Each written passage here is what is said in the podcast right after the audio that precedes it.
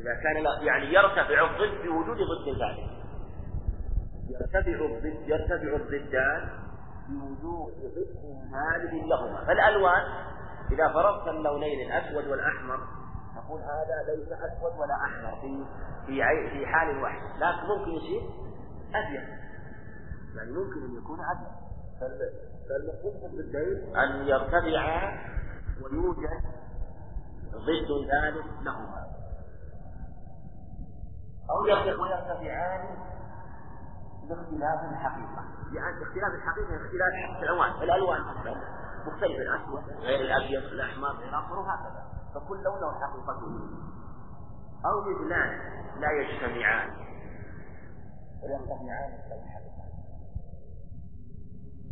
المثلان لا يجتمعان. يعني يكون مثلا الأبيض والأبيض الأصفر والأصفر. هذا مثلان لا لا يجتمعان. كالضدين يعني ما تقول هذا أبيض وأبيض يعني لا يمكن. هو أبيض بياض البياض لا يطلق إلا مرة واحدة. ما تقول هو أبيض وأبيض البياض صفة له واحدة.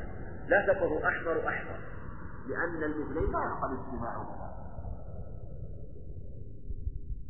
ويقتضي لتساوي الحقيقة. بمعنى أن يرتفع آه، صفة البياض ويكون ضد ثاني. للبياض بلون آخر. قال وكل شيء حقيقة حقيقتاهما إما متساويتان. يمكن أن يقال لو أن المصنف رحمه الله لو جعل هذا سيأتي في على قوله متبين وكل شيء حقيقتاهما إما متساويتان يلزم بوجود كل وجود الأخرى وعدم هذه الكليات تختلف. إما أن تكون متساويتين يعني تنطبق إحداهما على الأخرى. مثلا الإنسان هو الناطق. والناطق هو الإنسان. لا يوجد إنسان إلا وهو ناطق. ولا يوجد ناطق. الناطق هو الإنسان. والناطق في عرف الأصوليين هي القوة المبكرة العاقلة بالإنسان. يعني العقل. فلا يمكن أن يكون الإنسان إلا عاقلا. فإذا انتفى الناطقية انتفت الإنسانية لا يرد علينا مثلا المجنون والمعتوه لأنه في الأصل هو عاقل لكن هذا أمر عالم يعني الأصل للإنسان أنه مفكر وإلا في قوة مفكرة وإلا لكان غير حقيقته غير حقيقة الإنسان واختلف الحكم عليه ولم يكن مكلفا.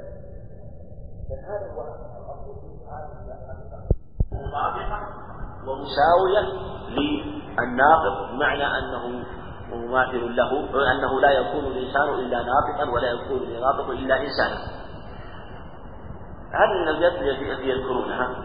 يلزم من وجود كل وجود الأخرى وعكسه. يعني آه يعني تقول يلزم من وجود الإنسان كونه ناطقا ووجود الناطق كونه إنسانا أو متباينتان.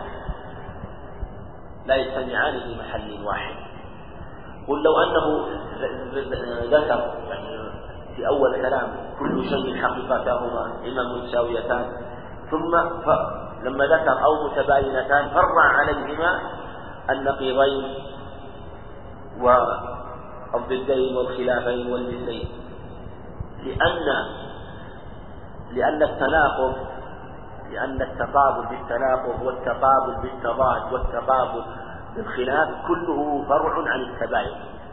لأن التباين إما أن يكون تباين مقابلة أو تباين تضاد أو خلاف. وذكروا أيضا العدم والملكة وتقابل المتضايفين فالمقصود أن أن هذه المتقابلات فرع عن المتباين. يقول أو متباينات. لا يجتمعان في محل واحد. التباين بمعنى أن حقيقة هذا الشيء خلاف لحقيقة هذا الشيء. وأن كل جزء من هذا الشيء لا يصدق على جزء من هذا الشيء.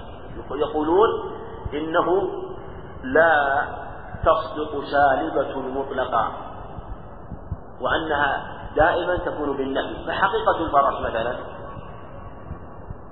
خلاف حقيقة الإنسان. فهو حقيقة الإنسان مباينة لحقيقة فكل إنسان ليس بفرس وكل فرس ليس بإنسان. هذا نبي كلي ويصلح فيها النبي لجي بعض الإنسان ليس فرس وبعض الفرس ليس بإنسان. وهكذا كل من سائر الحيوانات التي حقيقتها غير حقيقة الإنسان. فهما متباين. لا يجتمعان في محل واحد أبدا بل هذه حقيقتها تباين للإنسان من كل وجه. أو إحداهما أعم مطلقا والأخرى أخص مطلقا.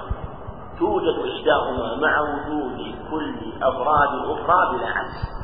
هذا العموم والخصوص المطلق. إيش معنى العموم والخصوص المطلق؟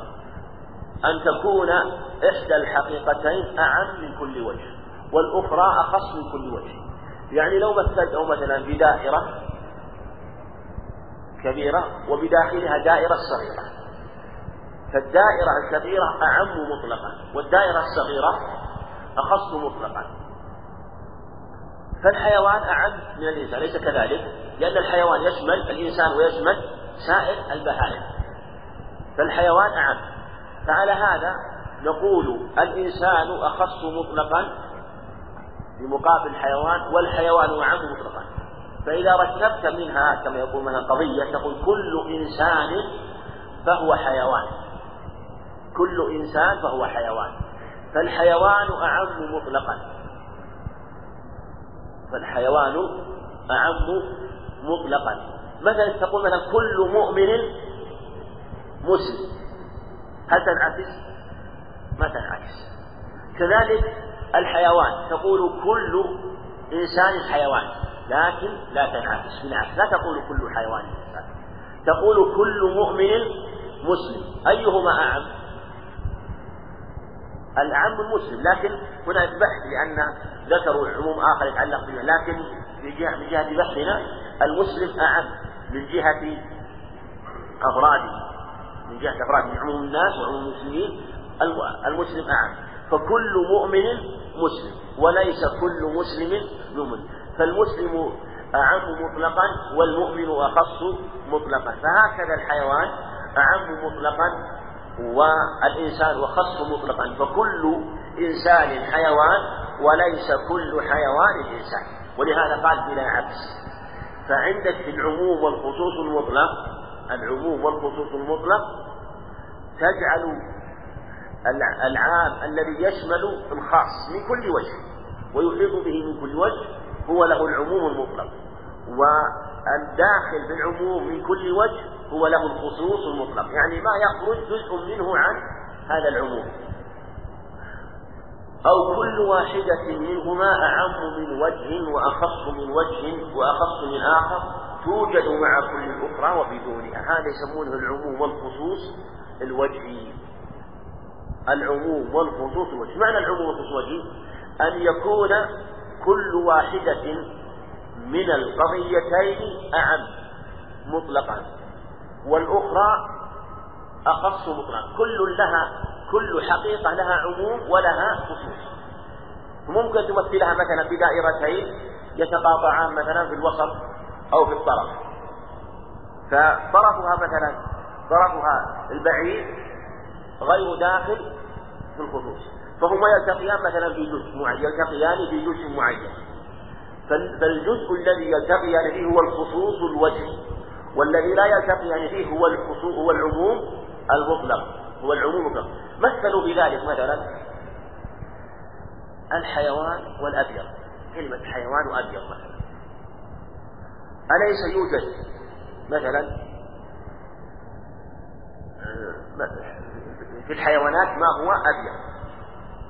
يوجد في الحيوانات ما هو أبيض. ويوجد في الحيوانات ما ليس بأبيض ويوجد و ويوجد في البياض ما ليس بحيوان فكل منهما ينفرد بوجه. فإذا اجتمع مثلا الحيوان وهو أبيض حيوان وأبيض التقيا في الحيوان الأبيض في الحيوان الأبيض. لكن ممكن في الحيوان الأسود التقيا ولا ما التقيا؟ ما صار. يعني البياض خلاف السواد. كذلك يكون في البياض في البياض ما ليس بحيوان مثل الثلج مثل العاج هو أبيض لكن مو بحيوان. وبعض الحيوانات آه، أسود مثل ما يكون من البهائم لكنه ليس بأبيض. يسمونه العموم والخصوص الوجهي. يعني أنهما يلتقيان في شيء وينفرد كل منهما في بشيء آخر. هذا هو العموم والخصوص الوجهي. غصب مع الذكر الذكر الحكمي. كلمة ما هذه ما عند المناطق هذه يعبرون بها بالاستفسار عن ماهية الشيء. عندهم يستفسرون بما أي. ما يستفسرون بها عن ماهية الشيء وعن حقيقة الشيء. وأي يستفسر بها عما يميز الشيء عن غيره. ما يميز الشيء تقول مثلا ما الإنسان؟ يعني عن حقيقة الإنسان. تقول أي شيء هذا الحيوان؟ يعني عن صفته أو ما يميزه عن الإنسان. إذا أردت أن تسأل عن الصفة التي تميز الإنسان عن خصوص الحيوانات أو تميز الجمال هذا عن آه، عن النبات أو النبات عن الجمال يميزه عنه تأتي بأي؟ إذا أردت أن تسأل عن حقيقته تأتي بما. فهنا يخبر عن حقيقة آه، ما يتعلق بالعلم والاعتقاد وما يتفرع عنه. ما عنه؟ الذكر الحكمي. كلمة الذكر يعني الشيء الذي يخبر به الذاكر ويتكلم به. ولذا قال الذكر الحكمي لأن الذكر الحكمي يدخل فيه الاعتقاد ويدخل فيه العلم ويدخل فيه الاعتقاد الفاسد والاعتقاد الصحيح يدخل فيه الظن يدخل فيه الوهم والشك.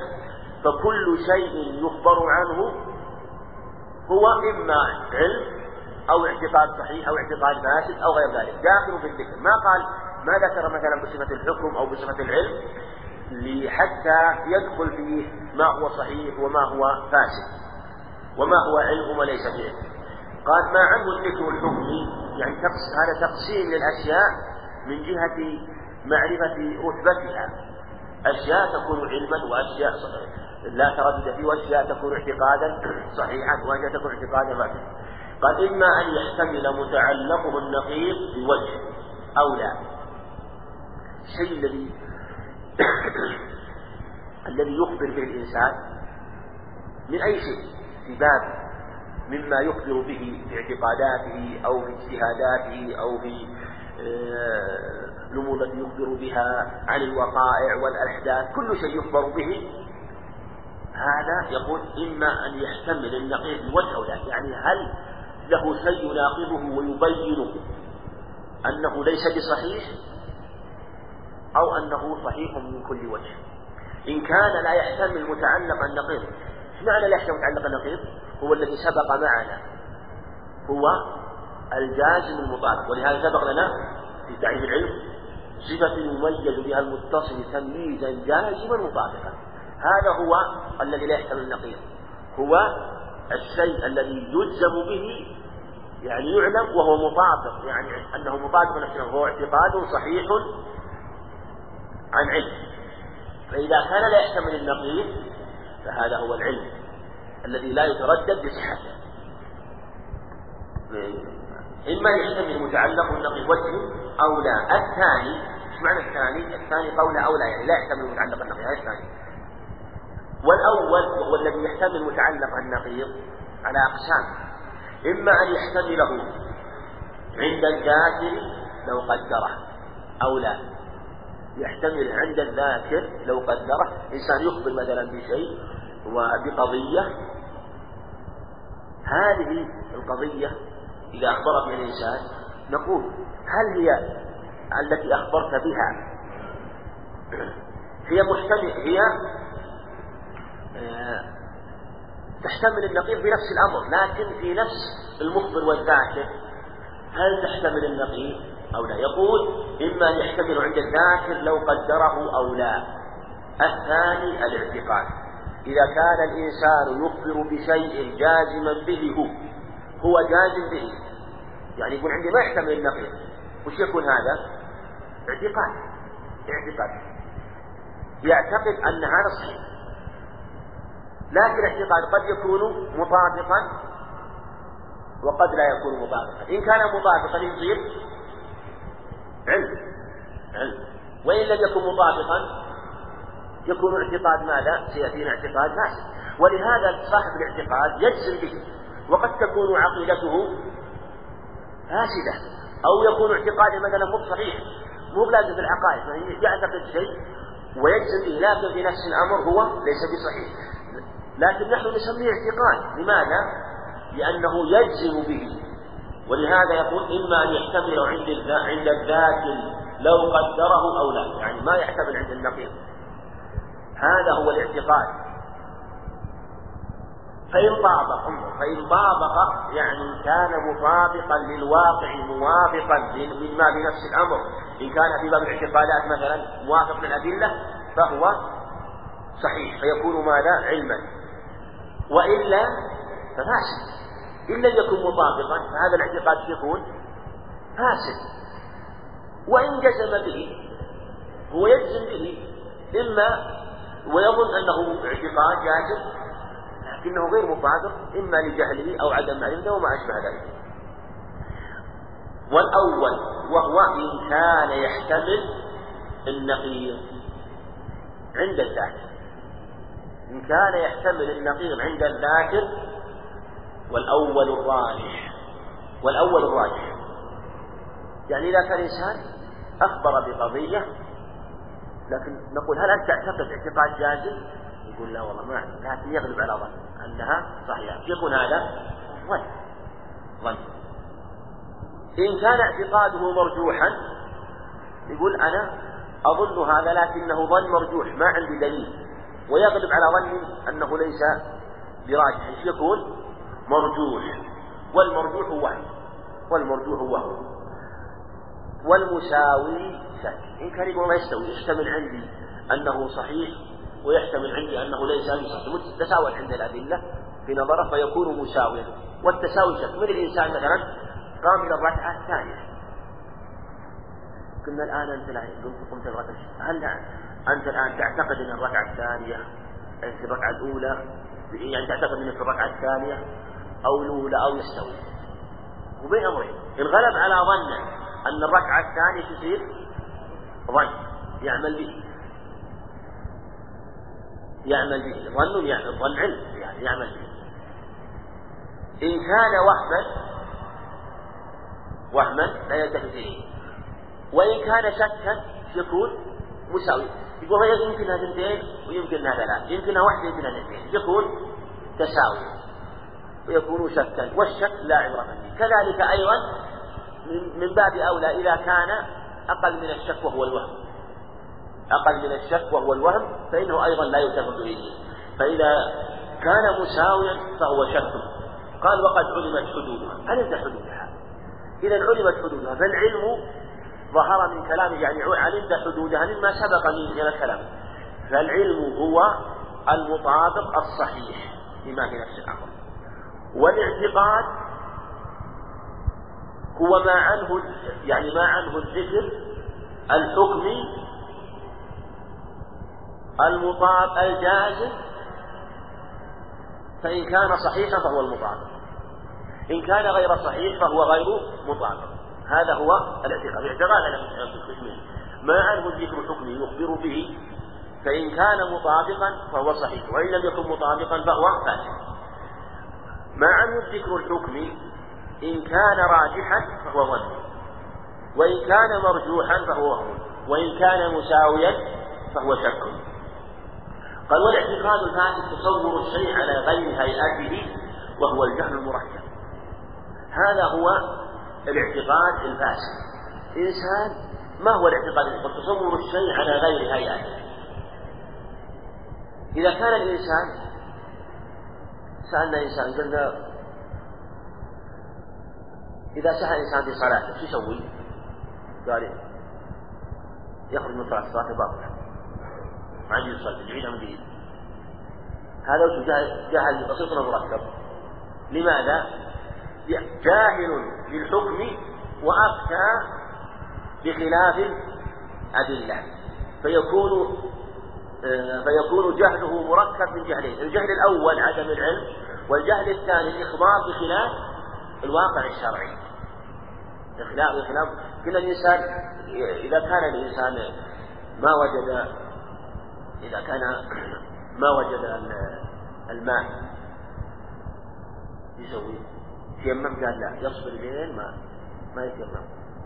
حتى يجد الماء. ولو مضت على ذلك ولا يصلي. يكون هذا جهل مركب لأنه جهل حكم التيمم وأفتى بجهل آخر وهو خلاف خلاف العلم. فهذا هو الجهل المركب.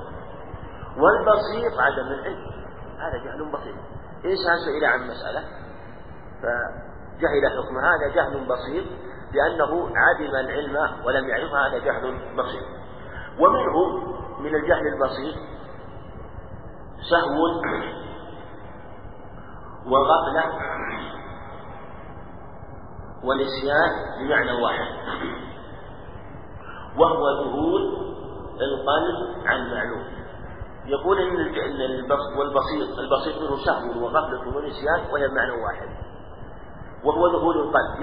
يعني أن السهو والغفلة والنسيان هو ذهول القلب. فمن ذهل قلبه عن شيء ولم يعرفه يقول إنه منه وهو نسيان فعلى هذا يكون السهو من النسيان والغفلة من النسيان و, و... يعني.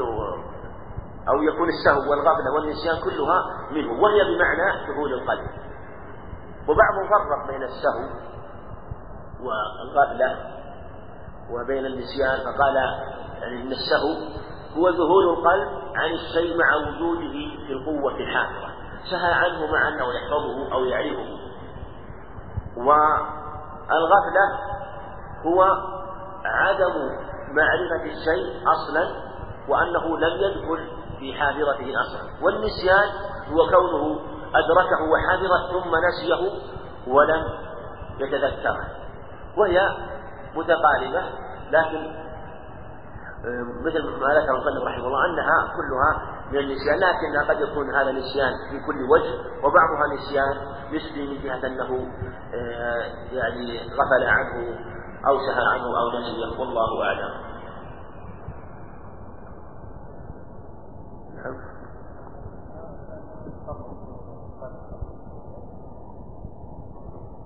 لا الاعتقاد الصحيح علم الاعتقاد الصحيح. علم بس هو يفرع يفرع على العلم.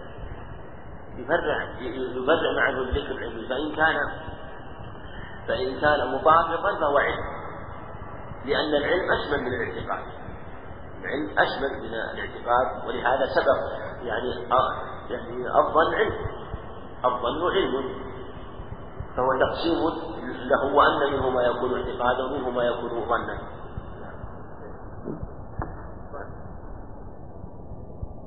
ما هو؟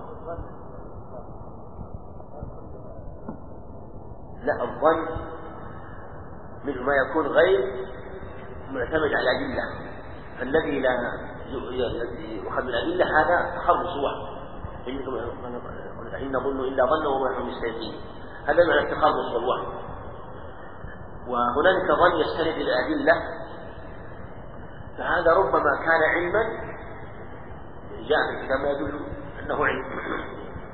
ومنه ما يكون آه، يعني ما يكون غلب الظن. منه ما يكون غلب الظن. ومنه ما يكون علما. قال العقل ما يحصل به الميل وهو غريزة. الميل هو التمييز بين المعلومات. فالذي يحصل به التمييز بين المعلومات التي يعلمها الإنسان ويميز بين هذا وبين هذا وبين حد هذا وبين حد هذا وبين الضار والنافع وبين الخير والشر. العقل. ولهذا العقل به التكليف لأن به التمييز ومن لا عقل له لا تكليف عليه. فهو الذي يحصل به التمييز بين جميع الأشياء. قال وهو غريزة يعني طبيعة وسجية. مبتدأ مخلوق ابتدأ الله خلق الله الإنسان وخلق له عقل وهو مفروز فيه موجود فيه في الأصل. وقد يرد عليه ما يرد ويسلم منه لكنه مغروز هو ليس مكتسب. وقوله هو غريزة يريد أن ليس مكتسب. وأن الإنسان يكتسب العقل فقال وهو غريزة. كل إنسان الله سبحانه وتعالى خلق الإنسان وخلق العقل وكلفه بهذا العقل. فهذا هو العقل هو الذي يحصل به التمييز بين المعلومات. لكن من العقل ما هو المكتسب؟ وبعضهم اختلف قال هل هو غريزة أو لكنه هو في الأصل غريزة. وقد يكتسب بعض الأمور العقلية بالتجربة والنظر والبحث. وهذا الاكتساب أصله من العقل الغريب الذي غرزه الله وخلقه الله وأوجده الله في العبد. فبه يكون العقل المكتسب. لكن هذا العقل المكتسب بحسب العقل الغريزي كلما كان العقل المودع للإنسان حسب ما أودعه الله من تهيئه وتقبله بحسب تهيئه وتقبله لتلقي العلوم والمعارف. فإذا كان على على وصف أكمل وأتم كان الاكتساب به أكمل وأتم. وبعض العلوم قال وبعض العلوم الضرورية. يعني أن العقل هو العقل ما يحصل به الميل وغيره وبعض العلوم الضرورية. يعني أن العقل بعض العلوم الضرورية. يعني أنه لا يكون آه، أن العلوم الضرورية من العقل. الضرورية التي آه، كما يضطر الإنسان إليها ويلجأ إليها والتي لا يختلف عليها فهذه من العقل. ومن أنكرها فهو غير عاقل. ولهذا يستوي فيها عموم الناس. ومن؟ والصغير موجود له العقل ويشب ويكبر وفيه بعد ذلك يميز ثم يدرك وبعد ذلك يدرك. بل إنه آه، ربما أدرك بحاسته بعض الأشياء ولو كان طفلا. فالعلوم الضرورية التي تدرك بلا نظر وبلا تجربة وبلا اكتساب هذه من العقل. ومن كان لا يدركها فليس ذا عقل. ولهذا قال وبعض العلوم الضرورية لأن الإنسان آه، غرز به العقل ثم بعد ذلك آه، يكتسب هذه العلوم يكتسب هذه العلوم ومنها ما هو يكون ضروريا يوجد معه تلقائيا ومنها ما يكون مكتسبا بعد ذلك. ومحله القلب. وهذا من المسائل التي يختلف فيها بين المتكلمين وغيرهم من الفقهاء منهم من يقول محله القلب وهو الغالب على أقوال الفقهاء والمنقول عن أحمد والشافعي ومالك وبعضهم يقول محله الدماغ وبعضهم يقول لا هو في القلب وله اتصال بالدماغ وهذا ظاهر كلام تقي الدين وهو أيضا كلام القيم رحمه الله وأنه وأنه يمد الدماء العقل يمد الدماغ وينوره ويبصره فله اتصال به. و لكن اكثرهم يقولون إنه إنه في القلب. ويستدل بقوله تعالى أفلم يسيروا فتكون لهم قلوب يعقلون بها وفي قوله تعالى ذلك لمن كان له قلب يعني عقل. وهذه تدل على أنه في القلب. وهذا لا يترتب عليه شيء إنما هو خلاف في محله بين المتكلمين وغيرهم قال وله اتصال بالدماغ ويختلف كالمدرك يعني يختلف العقل هذا هو الصحيح. العقل يختلف. بعضهم يقول أنه لا يختلف. لكن اختلاف العقل. يعني لكن الخلاف في هذا قد يكون لفظيا لأن الذي يقول لا يختلف يريد أصل العقل وأنه غريزه ومغروز في كل إنسان. والذين قالوا يختلف أرادوا أنه بعد ذلك بإدراكه للمعلومات وبحسب تجربته وبحسب معرفته وما منحه الله سبحانه وتعالى من قوة في في العقل يكون إدراكه أعظم. كما أن المدرك والمعلوم يختلف ويتفاوت كذلك العقل. لكن يراد به العقل المكتسب المجرب آه الذي يمده العقل المغروز في الإنسان. لا بالحواس ولا الإحساس يقول إن الحواس لا تختلف الحواس واحدة والإحساس واحد. وهذا ينازع فيه وينازعه فيه غيره ويقول لا الحواس أيضا تختلف. وهم قد يقولون إنها في الأصل يعني إنها في الأصل الحواس جهة السمع والبصر السمع والبصر والشم والذوق واللمس لكن بعض العلماء من الفقه كما يقول إنها تختلف. والإنسان تختلف حواس يختلف حواس الناس ويختلف الإحساس والمدرك. وهذا أمر مشاهد ملموس فقد تكون الحواس أكبر أعظم في بعض الناس من بعض وأشد وأقوى. لكن الذي يقول لا تختلف يريدون بها في الأصل كما قالوا في مسألة العقل وأنه في الأصل عند عند جميع الناس واحد وأنه مولود فيه لكن يختلف بذلك العقل المكتسب والعقل التجريبي. فصل. الحد هذا في الحد لأن الحد مهم في باب الأصول من جهة أنه يعلم به حدود الأشياء ويذكرون في أصول الفقه كما سيأتي حدود تتعلق بالأمر والنهي والعموم والخصوص فلهذا عرف الحد الحد لغة المنع ومن الحدات والذي يضع الحديد الذي يمتنع به من الذي يضع يعني يضع الباب حداد الباب والغير ومن الحداد حداد المرأة لأنه يمنعها من بعض الأشياء آه، ومن بعض الزينة. فالحد لغة المنع. ويقول هذا حد هذا ينتهي هذا الحد إلى هذا ويقف عنده. واصطلاحا الوصف المحيط بموصوفه المميز له عن غيره. هذا أحد الحدود للحد. فالمصنف رحمه يقول إنه الوصف المحيط بموصوفه المميز له غيره فيقول الحد هو وصف يدخل فيه جميع المحدود ويخرج فيه ويخرج عنه ما ليس محدودا. فإذا قال مثلا فإذا قال مثلا آه، الفرس هو الحيوان الصاحب.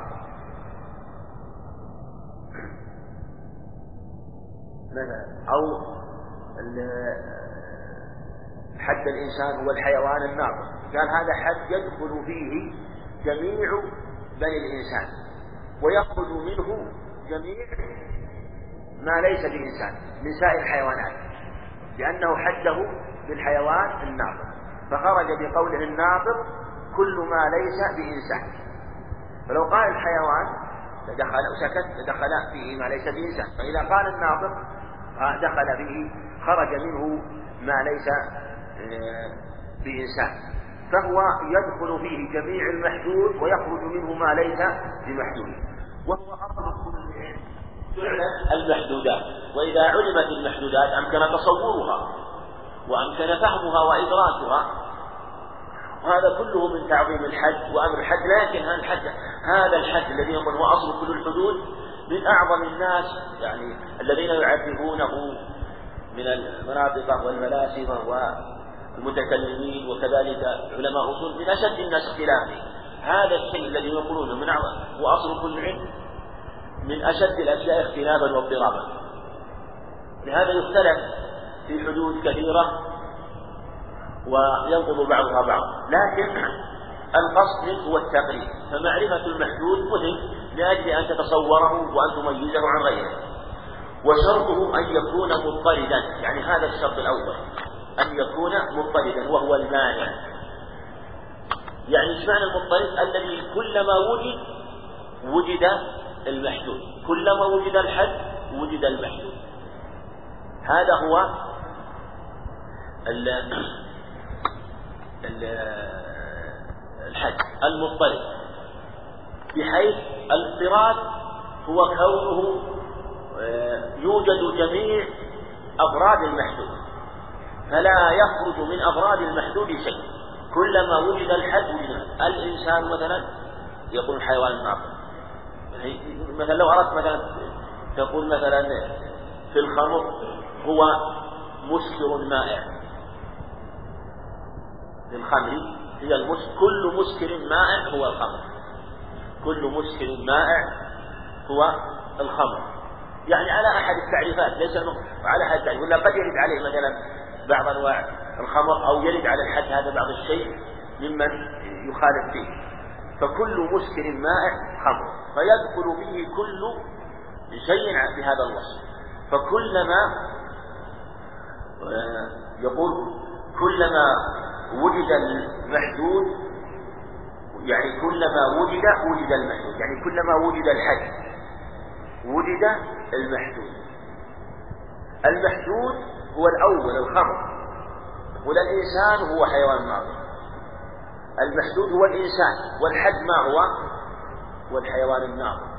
كلما كان حيوانا ناطقا فهو إنسان. فهذا هو الاضطراد وهو الوجود. بحيث آه، يوجد كل أفراد المحدود. منعكس وهو الجامع. كلما وجد المحدود وجد الحد. كلما وجد المحدود وجد الحد. كلما وجد الإنسان مثلا في قولك الإنسان حيوان ناطق. حين تقول ما هو الإنسان؟ تقول هو حيوان ناطق.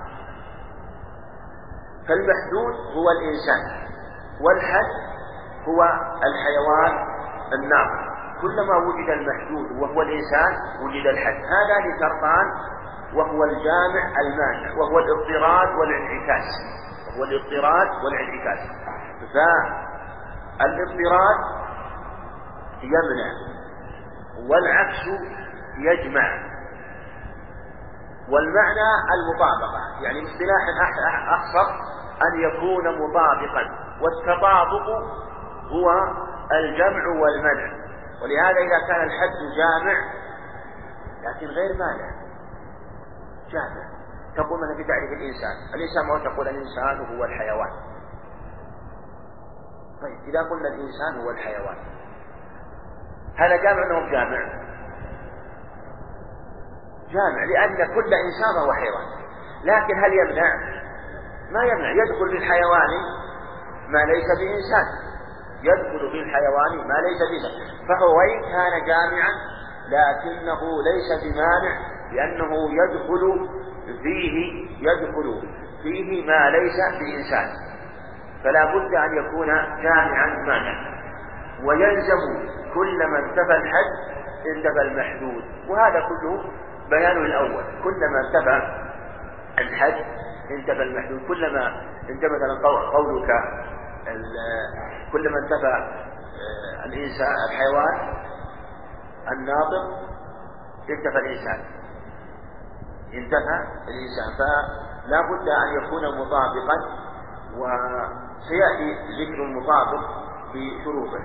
فهم يقولون بهذين الشرطين يكون الحد جامعا لكن لا تكاد تجد حدا بهذا الوصف كما يقولون ما تكاد تجد حد بهذا الوصف أنه يجمع كل شيء ويمنع آه، ما لا يدخل فيه من غيره وهو حقيقي. ها.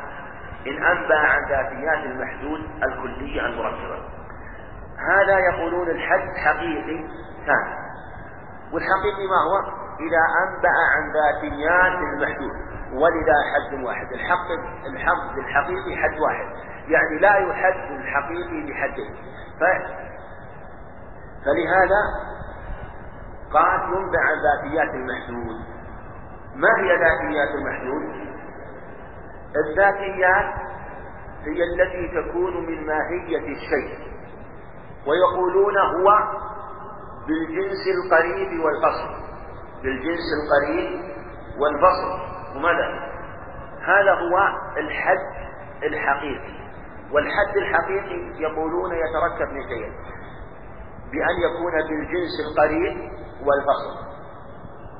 مثال اللي ذكرنا قبل. يقول في الإنسان هو حيوان ناطق الجنس القريب حيوان. الفصل ما هو؟ قولك ناطق أنت بقولك حيوان ذكرت جنسا قريبا. لأنك ما قلت جسم لو قلت الإنسان جسم ناطق لحدثته بجنس بعيد وفصل الناطق والكلام الصحيح جسم ناطق هو جسم. لكن نبغى جنس أقرب لو قال مثلا هو جسم نام ناطق. أقرب من الأول أو أقرب؟ لأن الأول يدخل فيه الجماد اللي قولك جسم ولا لا؟ يدخل فيه الجماد الحجر ما أشبه ذلك. لكن إذا قلت جسم نام إيش يخرج؟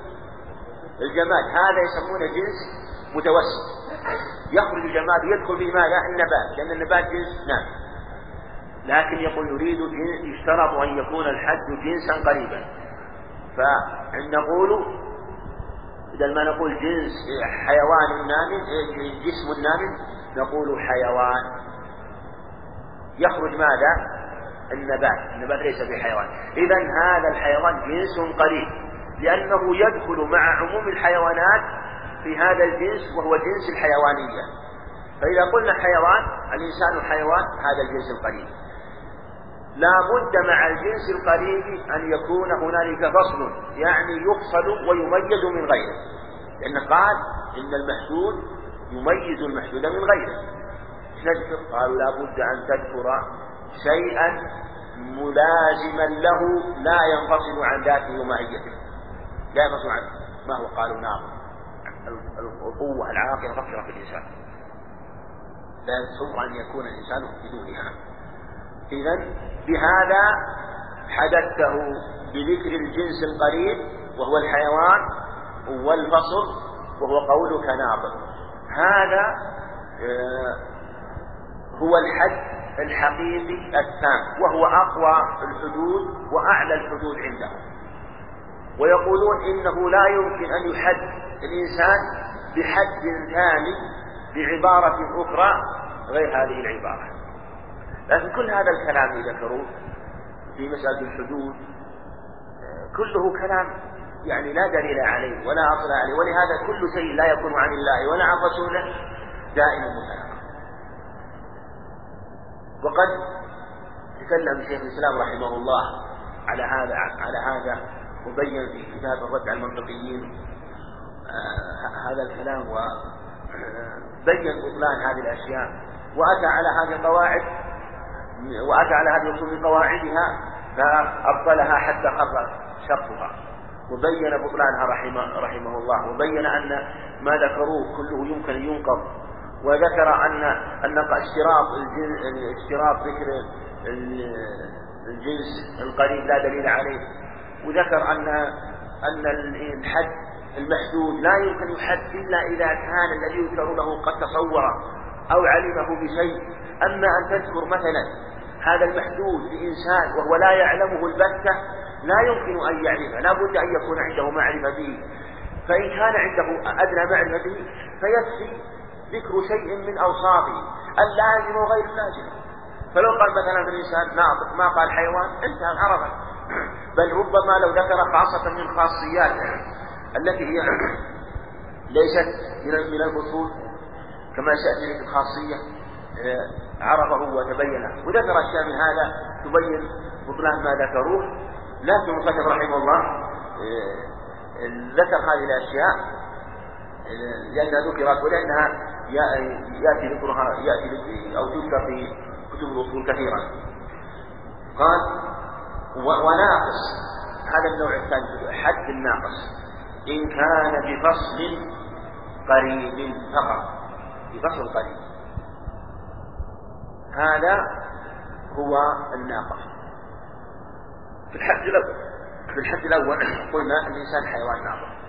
فصل القريب بدون جنس بدون جنس قريب. يكون الإنسان الناقص. بس اذكر الفصل. هذا يسمونه حد ناقص؟ حد ناقص. يعني ليس حدا كامل. لأنك ما ذكرت فيه الجنس القريب. فقط أو مع جنس بعيد. يعني لو قلت الإنسان جسم ناقص أو جسم نام ناقص. جنس بعيد أو جسم متوسط هذا عندهم حد ناقص. لأنك ما ذكرت الجنس القريب وهو الحيوان. ورسمي تام هذا النوع الثاني حدود شيء يسمونه حد. تام وحد ناقص اسمه رسم رسم. الرسم هذا ليس من الرسم وهو الخط من الرسوم وهو العلامات. الرسوم هي العلامات مثل قال رسم الدار كما يقول في كلام بعض الشعراء. الرسوم وهي العلامات والآثار التي توجد في الديار. فيقولون العلامة التي تدل على الشيء وإن لم تكن من ذاته. علامات تدل على الشيء المحدود وإن لم تكن ملازمة له. فهذا سمي رسما ولم يسمى حدا لأنه ليس من ذاتياته إنما هو من خواصة التي هي غير ملازمة. إن كان بخاصة مع جنس قريب هذا الرسم الثاني بخاصة مع جنس قريب. الخاصة هي التي تكون من خواص الإنسان من خواص وهي غير ملازمة بالقوة بالفعل وإن كانت ملازمة بالقوة. مثلا الضاحك الضاحك من خواص الإنسان هذه خاصة لكن ليست صفة ملازمة للإنسان. خاصة من خواص يعرف له أحيانا. هذه الصفة تعرف له. إن كانت بخاصة مع جنس قريب وش الجنس القريب؟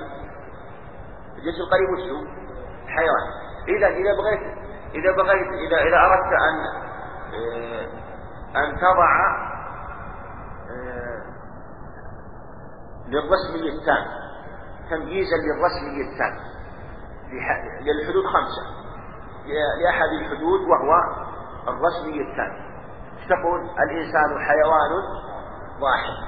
الجنس القريب حيوان والخاصة القريبة هي الضاحك. الضاحك. مع جنس يعني كان بخاصة مع جنس قريب هذه الخاصة من خواص الإنسان.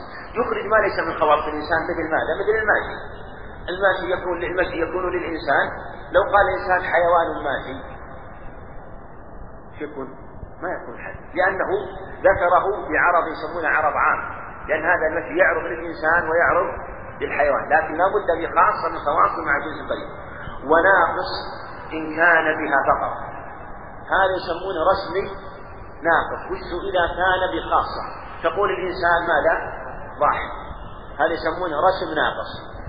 أو مع جنس بعيد. مثل ما قالوا في الحد الناقص هو الجنس البعيد مع البصر. هكذا الرسم للناقص هو الجنس البعيد مع الرسم. مثل قولك ماذا؟ الإنسان جسم ضاحك أو جسم نام ضاحك. ذكرت جنسا بعيدا أو متوسطا كل هذا يجعلونه من باب الرسم باب الرسم ولفظي إن كان بمرادف أظهر لفظي تقول هذا تعريف لفظي إذا كان بمراده إذا أراد أن يعرف مثلا الصاحب ما الإنسان ما هو الصاحب؟ نعرف الصاحب. إيش نقول؟ هو الفرس. الثاني هو الشاهد. مثلا